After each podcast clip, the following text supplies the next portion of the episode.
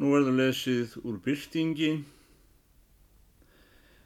og hefst lesturinn í áttunda kapitula miðjum og heldur áfram frásaga kúnigundar þar sem fyrir hráhorfið.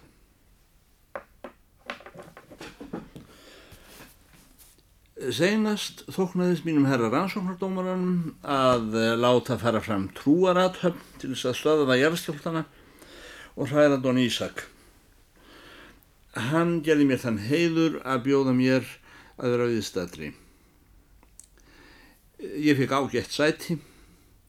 Það var framborinn hressing handa kvennfólkinu á milli guðstjónustunnar og aftökunnar.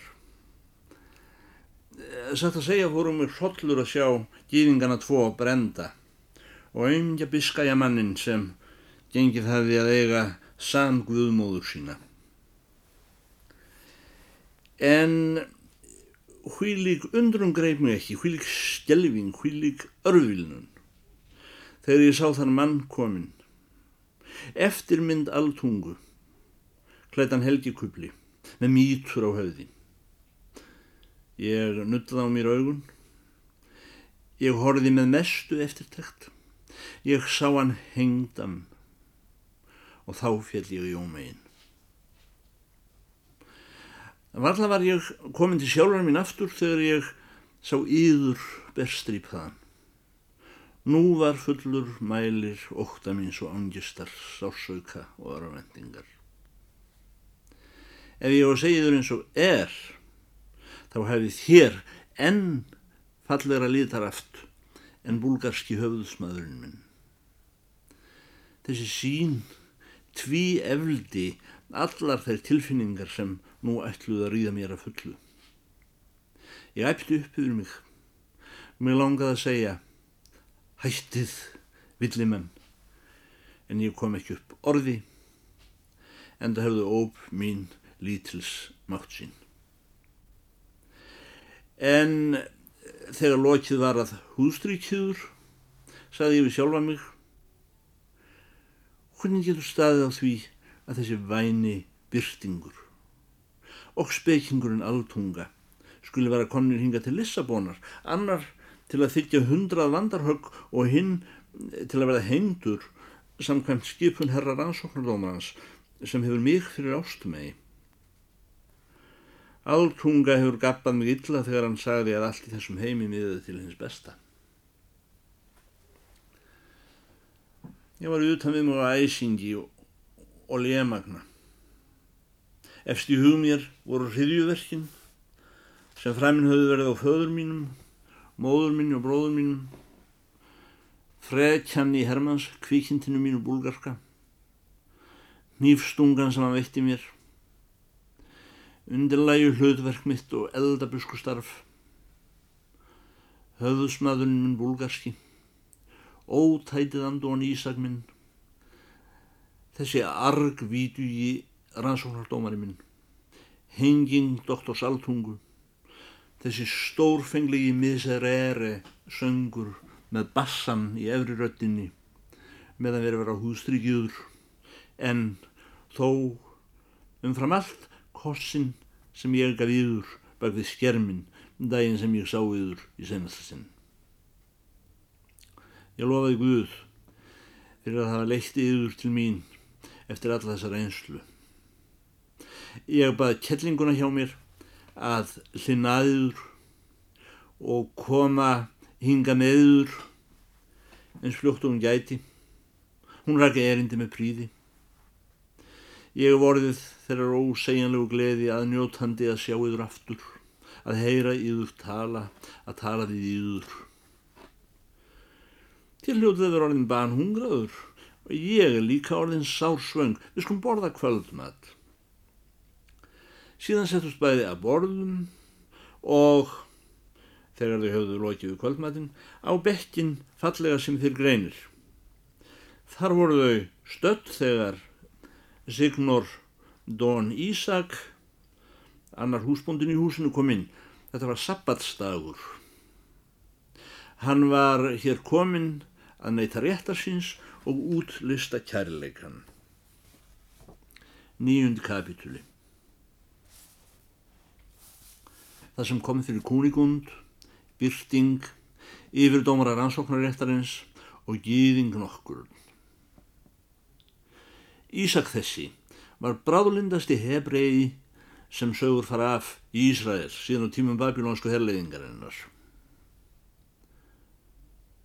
Hvað er að tarna galílegu tæfandin? Færðu ekki nóga mínum herra yfirdómaranum í rannsóknaréttinum?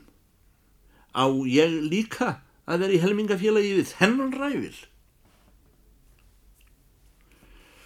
Um leið og hann sagði þetta dróðan langan rýting sem hann var vanur að hafa með sér og þar sem hann gerði ekki ráð fyrir aðanstæðingur hans veri vopnaður reðast hann þegar á byrting en okkar ágæti vestfælju maður hafi fengið myndar sverð hjá kellingunni um leið og föttin.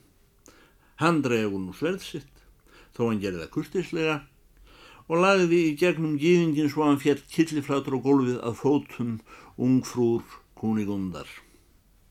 Marja mei, æpti hún upp yfir sig. Hvað verður af okkur? Það finnst hjá mér döður maður. Ef réttvísin kemst að þessu þá eru útið um okkur. Hefði altunga ekki verið hengdur, saði Byrtingur, þá myndi hann hafa gefið okkur góð ráðið sem ósköpum. Því hann var mikill heimsbyggingur. En fyrst hann er hverkið nær, þá skulum við spyrja kettlinguna. Kettling reyndist við það jafnlátt nefi sínu. En þegar hún var rétt nýbyrjuðalegjan ráðinn, opnuðust aðra litla dyr. Þetta var stundu yfir miðnætti. Sunnudagurum var byrjaður. Þetta var dagur lávarðarins úr rannsóknaréttinum. Hann gengur inn og sér hinn húðstrykta sem stendur þar með sverði í hendinni og döðan mann við fætur sér.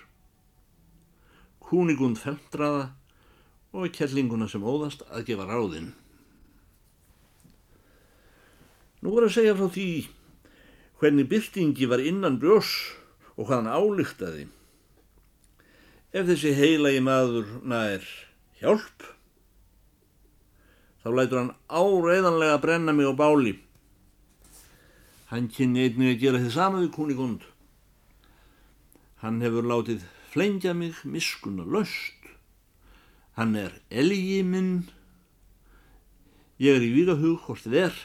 Það er best að hafa öngvar vöflur á. Þessi álygtun var jafn glögg og snögg. Hann gaf lávarði rannsóknaréttarins ekki tóm til að ná sér eftir undrunina, heldur ræk hann í gegn og lagði hann við hlýð í innum. Þarna er annar komin, saði kúningund. Nú er all fyrirgefningar von að venda. Við erum hér með sett út af saðkramentinu. Það er liðið á okkar hinstu stund. Hvernig gáttu þér sem eruð svo mildur að náttúrufæri drefið einn gífing og einn preláta á tveimur mínútum? Kjæra fröginn svarði byrtingur. Þegar maður er ástfanginn afbríðsamur og hefur þar að verið hýttur á rannsóknaréttinum þá veit maður ekki lengur sitt rúkandri áð. Þá tók gamla konan til máls og sagði Það eru þrýr Andalúsíu hestar hérna í hestúsinu á samt öllum reyðtíum ég held að sé bestan byrtingur hafið á til í skyndi. Mín jómfrú á bæði gullpenning og demanta við skulum ríðast það strax þó ég hef ekki nema einn þjónapp að sitja á og stefnum til Kadix. Það er blíðskapar veður og aldrei eins gaman að ferðast og í nætursvallan. Byrtingur lagði þegar á hestana. Kúnigund, Kjellingin og hann ríðu 30 mílur einn rikk. Eftir að þau voru komin á stað komi Hermandaðið það er þið heilaga bræðralag á vettvang. Lávarðurinn var grafin að fári höfðkirkju en giðum hún flekt út á sorphög. Byrstingur, kúnigund og kettlingin voru nú komin til gistihús í þorpinu afa sínu í móreinu fjöllum og fóru þeim orð á milli sem hér segir. Tíundi kapitúli Í hvílikri nauð, byrtingur, kúnigund og kettlingin komið til Kadix og steg á skipsfjöl. Hún skildi hafa stóli guldpenningunum mínum og demantunum, saði Gúnigund grátandi. Á hverju eigum við að lifa? Hvað eigum við að taka til bræðins? Hvað er nú að finna yfir dómar og rannsóknaréttinum og gýðing til að gefa mér meira? Áminn sann, saði kellingin. Það var okkur samnátt að í Badakós háæru verðu úr fadir úr fransmunkareglunni, girtur svarðreipi og hann hef ég grunaðan. Guð forði mér frá því að gera fólki getsækir en hann álpaðist tvísvar sinnum inn til okkar og hann lagði upp laungu á undan okkur. Æ, hversu oft, saði Byrtingus, sannaði ekki hann alltunga minn, að gæði jarðarinnar væru sameign allra manna. Að allir menn séu jafn rétt háir. Reyndar hefði reipgirðingurinn átt að skilja einhverja ögn eftir hand okkur til ferðarinnar ef hann hefði viljað haga sér í samræmið þessi sjónarmið eða eigiði nú ekkert eftir elsku kúnigund mín. Ekki túskilding með gati, saði hún. að hvert skal nú upptaka, saði Bystingu. Seljum einn klárin, saði kellingin. Ég sest á bak fyrir aftan mína jónfrú og við tvímennum, þó ég hef ekki nema einu raskinn, og komumst til Kadix. Það var gestur í kráni, príjór nokkur af bendiktsreglu. Hann kepti af þeim hestin fyrir láttverð. Virstingur kúnigund og kellingin heldur nú ferð sinni áfram sem leiðlikur um Lúsenu, Sillas og Lebriksu eins og þau komið til Katiksborgar. Þar var verða búið flota og safna liði til að koma vitinu fyrir hérna háæruverðugu feður kristmunga í Paraguay sem voru sakaður um að hafa reist óvaldarflokka gegn konungum Spánar og Portugals í nánd við heilags sakramentisborg. Byrstingur sem verið hafiði í liði búlgara gekk nú fyrir hersauðingja þessa liðsafnaðar og mundaði fyrir honum vopn sín á búlgarska vísu með þvílikum indis þokka, hraðaleikni, stolti og lípurð að honum var óðara fenginn fótgönguleiðs sveit til umráða. Þannig var hann honin höfusmaður. Hann steg á skipsfjöl á samt ungfrú Kúnigund, Kjellingunni, tveim skósveinum og Andalúsíu klárunum tveim sem höfðu verið í eigu míns herra stór rannsóknardómarans til Portugal. Meðan á sjóferðinu stóð áttu þau oft tal saman um heimsbyggi alltungu auðmingjans. Við erum á leiðin í aðra veröld, saði Byrstingur. Það er eflaust í þeim heimi sem allt er gott. Ég held nefnilega því verði ekki neitað að stundum hlýtur fólk að reyka upp kvein út af því sem gerist í vorum, svo í líkamlegum sem siður ennum efnum. Ég elskiður af öllu hjarta, segð kuningund, en sálinn í mér er ennþá öllu uppnæmi út af því sem ég um átt horfa upp á og reyna. Það fer allt vel, saði Byrtingur. Hafið þessum nýja heimi er strax miklu skára en höfin í henni Evrópu okkar, það sléttara og staðviðra samara á því. Það er um, víst áreðanlega nýji heimurinn vesturheimur sem er besturheimur. Það vil ég guðgæfi, saði Kúnigund, en ég var svo fjarska mikil ólangskona í mínum heimi að það vil ekki inn í mín einn vonar glóra lengur. Þið eruð að berja ykkur, sagði kellingin. Það vil til því það hefði ekki lendið slíku sem ég. þá fór kúnikund næstum því að hlæja og held að kellingar ánginu væri að gera gamni sínu þegar hún þóttist vera meiri raun að manneskinn hún sjálf. Seg, seg góða mín, saði frökuninn, meðan yður hefur ekki verið nöðgat tvívegjus á búlgurum og þér hafið ekki fengið tvær nýfstungur í magan eða hort á tvo kastaralagaða í rúst út af yður og tveim feðrum og tveim maðurum vil kála fyrir augunum á yður og meðan þér hafið ekki séð tvo elskhuga í þar flengda í trúaratöfn þá get ég ekki litið svo á sem þér hafið vinningin yfir mig ekki síst þegar tekið til þið til að ég er fætt greifinja í 72 ættliði og hef þó orðið að gerast eldabuska. Blessaður verið þér, saði kellingin.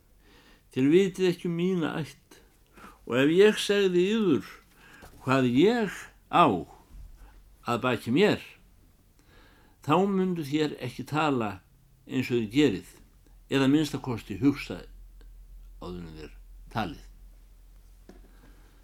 Við þessi orð kellingar urðu þau bráð forvitin, kúnigund og byrstingur.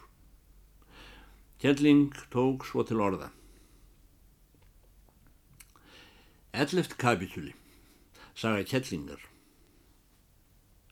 Það hef ekki alltaf verið blóðhlaupin í mér augun og rauðir á mér hormannir. En nefið á mér hefur ekki alltaf numiðu höguna og ég hef ekki alltaf verið griðkona. Ég er dóttir Urbans Páfa tíunda og komstdótturinnar í Palestínu. Ég var uppalinn til fermingar aldurs í þess konar sloti að þar hefðu allar ykkar greifahallir í Þískalandi valla þótt brúglegt hesthús og einn kjóllin minn var meira virði en öll furðuverk vestfælju. Ég held áfram að vaksa þegurð, indistokk og viti umleikin skemmtunum, vongleði og virðingum anna. Snemma fór kallmörnum að lítast á mig. Það fór að vaksa á mér barmurinn og þvílikur barmur hvítur fastur formaður eins og á Venus frá Mediki og hvílig augu, hvílig sjáaldur, hvíligar svartar augabrúnir, hvíligir ljómandi glampar í augasteinunum á mér. Skáldin þar í sveit voru vöðan að segja að um, þeir máðu skinn stjarnanna burt. Vinnukonunnar sem færðu mig úr og í urðu uppnumdar af hrifningu hvort sem þær skoðuðu mig framanfrá eða aftanfrá og allir kallmenn hefðu feignir vilja verið spórum þeirra. Ég var heitinn Hurstanokkrum, prinsinum til Massakarara, þvíligur prins, eins laglegur og ég, ekkert annað en blíðan og þægileg heitin, alveg ljós gáfaður og að samaskapi bálskotin. Ég unnum, eins og maður gerir aðeins í fyrsta sinn með þess konar uppnumningu sem líkist skurðgóðadýrkun. Það var færð að undirbúi gifting okkar, það átt að verða svo viðhöfn og dýrð sem aldrei hefði séstönu slík, það átt að vera stórveislur með endalösum drikkjuskap og skrýpaleikjum og um gerfalla Ítalíu voru ortir um mig fjórtán línungar, þó engin prentæður. Hamingustund lífsmins var að reyna upp þegar gömul mark greifa frú sem verið hafði frilla mannsefnisins míns bauð honum heim til sín upp á súkulaði. Hann andaðist innan tveitja tíma úr ólum krampa. En þetta er um smámunir. Móður mín, sem var mjög sorgbytinn, þó ekki eins og ég. Hún var að hugsa um að skreppa burt álum tíma, það eru alltaf sér leiðindin. Hún átti laglegt kot ekki allangt frá gætu. Við stigum á skipsfjöl á einni af galiðum landsins og gullróðinni á áþekkt alltarinn í Péturskirkjunni Róm. Vitum við þá ekki fyrir til en kemur á okkur vikingaskip frá Sali og ráðast þegar til uppgangu hjá okkur. Hermenn okkar vörðu slíkt og hermenn Pávans. Þeir köstuðu sér þegar á knebeð og þeittu frá sér vopnunum og báðu sjóræningjanum aflausn in articulum mortis. Óðar voru þeir flettir klæðum og stóðu uppi naktir sem apar. Móður mín slíkti sama. Félagsmegar okkar slíkti sama. Ég slíkti sama. Það er alveg aðdáanlegt með hver mikill kostgæfni þessir herrar afklæða fólk. En það sem mig fyrðaði mest á var að þeir ráku allir eh, fingurinn upp í okkur Þetta fannst mér einkjænlega aðtöfn. Svona kemur allt flatt upp á mann þegar maður hefur aldrei verið burtað heimann. Brátt skildi ég að þeir voru að gá á hvort við hefðum ekki falið þannig demant að slíkt vilist að verið síður og alda öðli með sæfarandi menningarþjóðun. Ég veit til að rittaramunkar á möldur láta þess áttur skoðun aldrei undur höfðu lætjast þegar þeir handtaka Tyrkja og Tyrkja guttur. Þetta er orðin lög hefði alþjóðaletti og aldrei brotin. Ég ætla ekki að fara að útskýra fyrir ykkur hver hart það er fyrir unga hefðar mei að vera seldi ánauð í Marokko á samt móður sinni. Þeir getur gert ykkur í hugalund allt sem við urðum að þóla á vikingaskipinu. Móður mér var ennþá stór fríð. Félagsmegar okkur hafðu til að bera indistokka sem sjálfundin í Afríku og þá voru ekki griðkonundan okkar síðri. Ég að mínuleiti var heillandi. Ég var fegurinn sjálf, indistokkin sjálfur og ég var óspjörluð með. En það stóð nú ekki lengi. Þetta blóm sem hafi verið gemt handa prinsinum fríða til Massakarara var sundurtækt af vikingahöðingjanum hann var blámaður, herfilegur ásýndum og honum fannst að vera auðsýna mér einhvern heiður. Já, það kom sér svei mér að okkur var ekki fyrst saman frúni til Palestína og mér.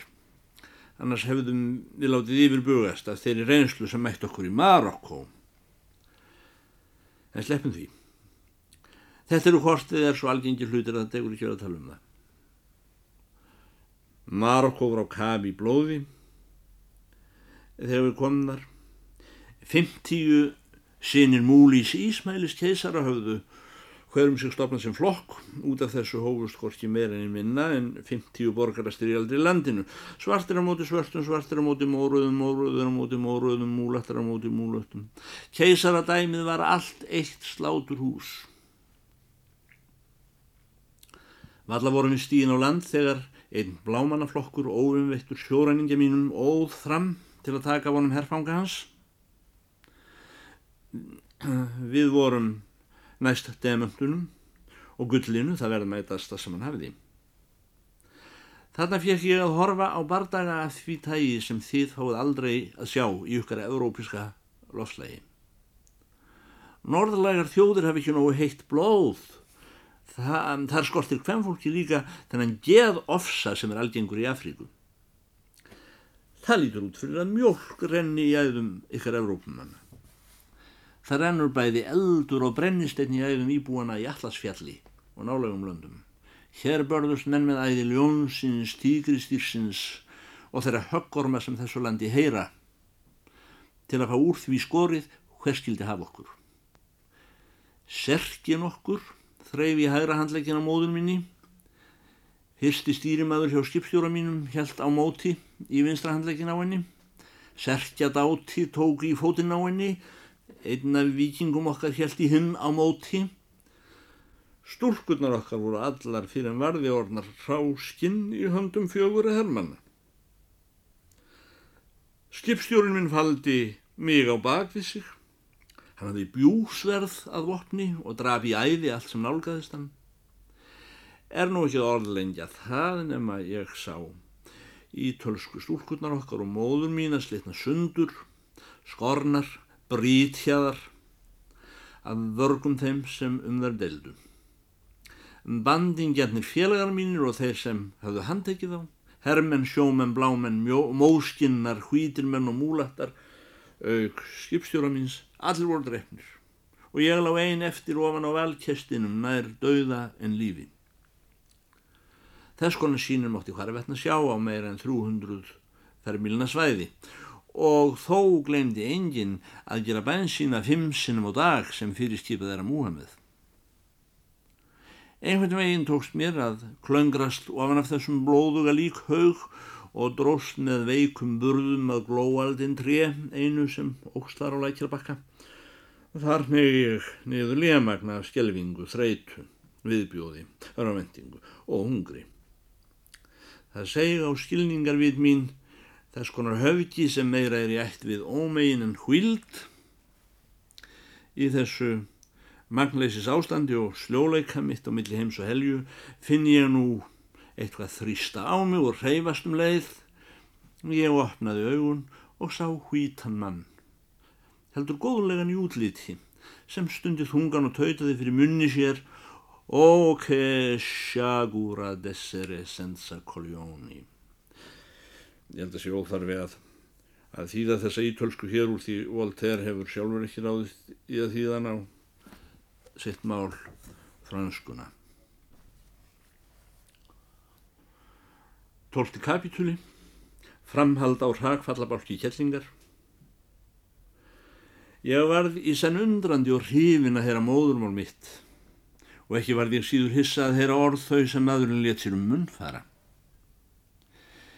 Ég svaraði honum að tilværu meiri óhöpp en það sem hann kvartað undan. Ég greind honum í fám orðum frá þeim ósköpum sem fyrir mig höfðu komið, fjell síðan aftur í ómegin.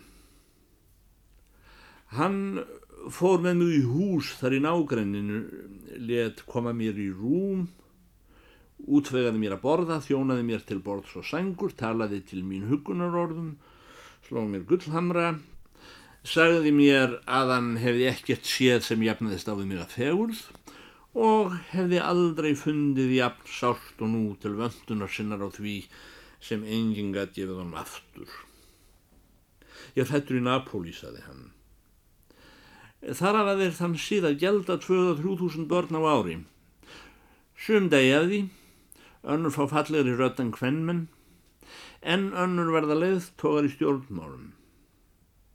Á mér tókst þessi aðgerð með miklum ágætum og ég varð söngmaður við kapillunum hjá frú prinsessunum til Palestína. Hjá henni móður minni, saði ég. Móður í þar, saði hann og fór gráta. Hvað er að tatna? Þér eru þú ekki unga prinsessan sem ég fóstraði þannig að hún var sex ára og, og virtist þá ætla að verða jafnfalli og þér eru nú. Það er ég og hún móður mín liggur fer högvinn undir valkestinum, 400 skref burtu. Ég skýrði honum frá því, öllu, sem drifið hafði á daga mína.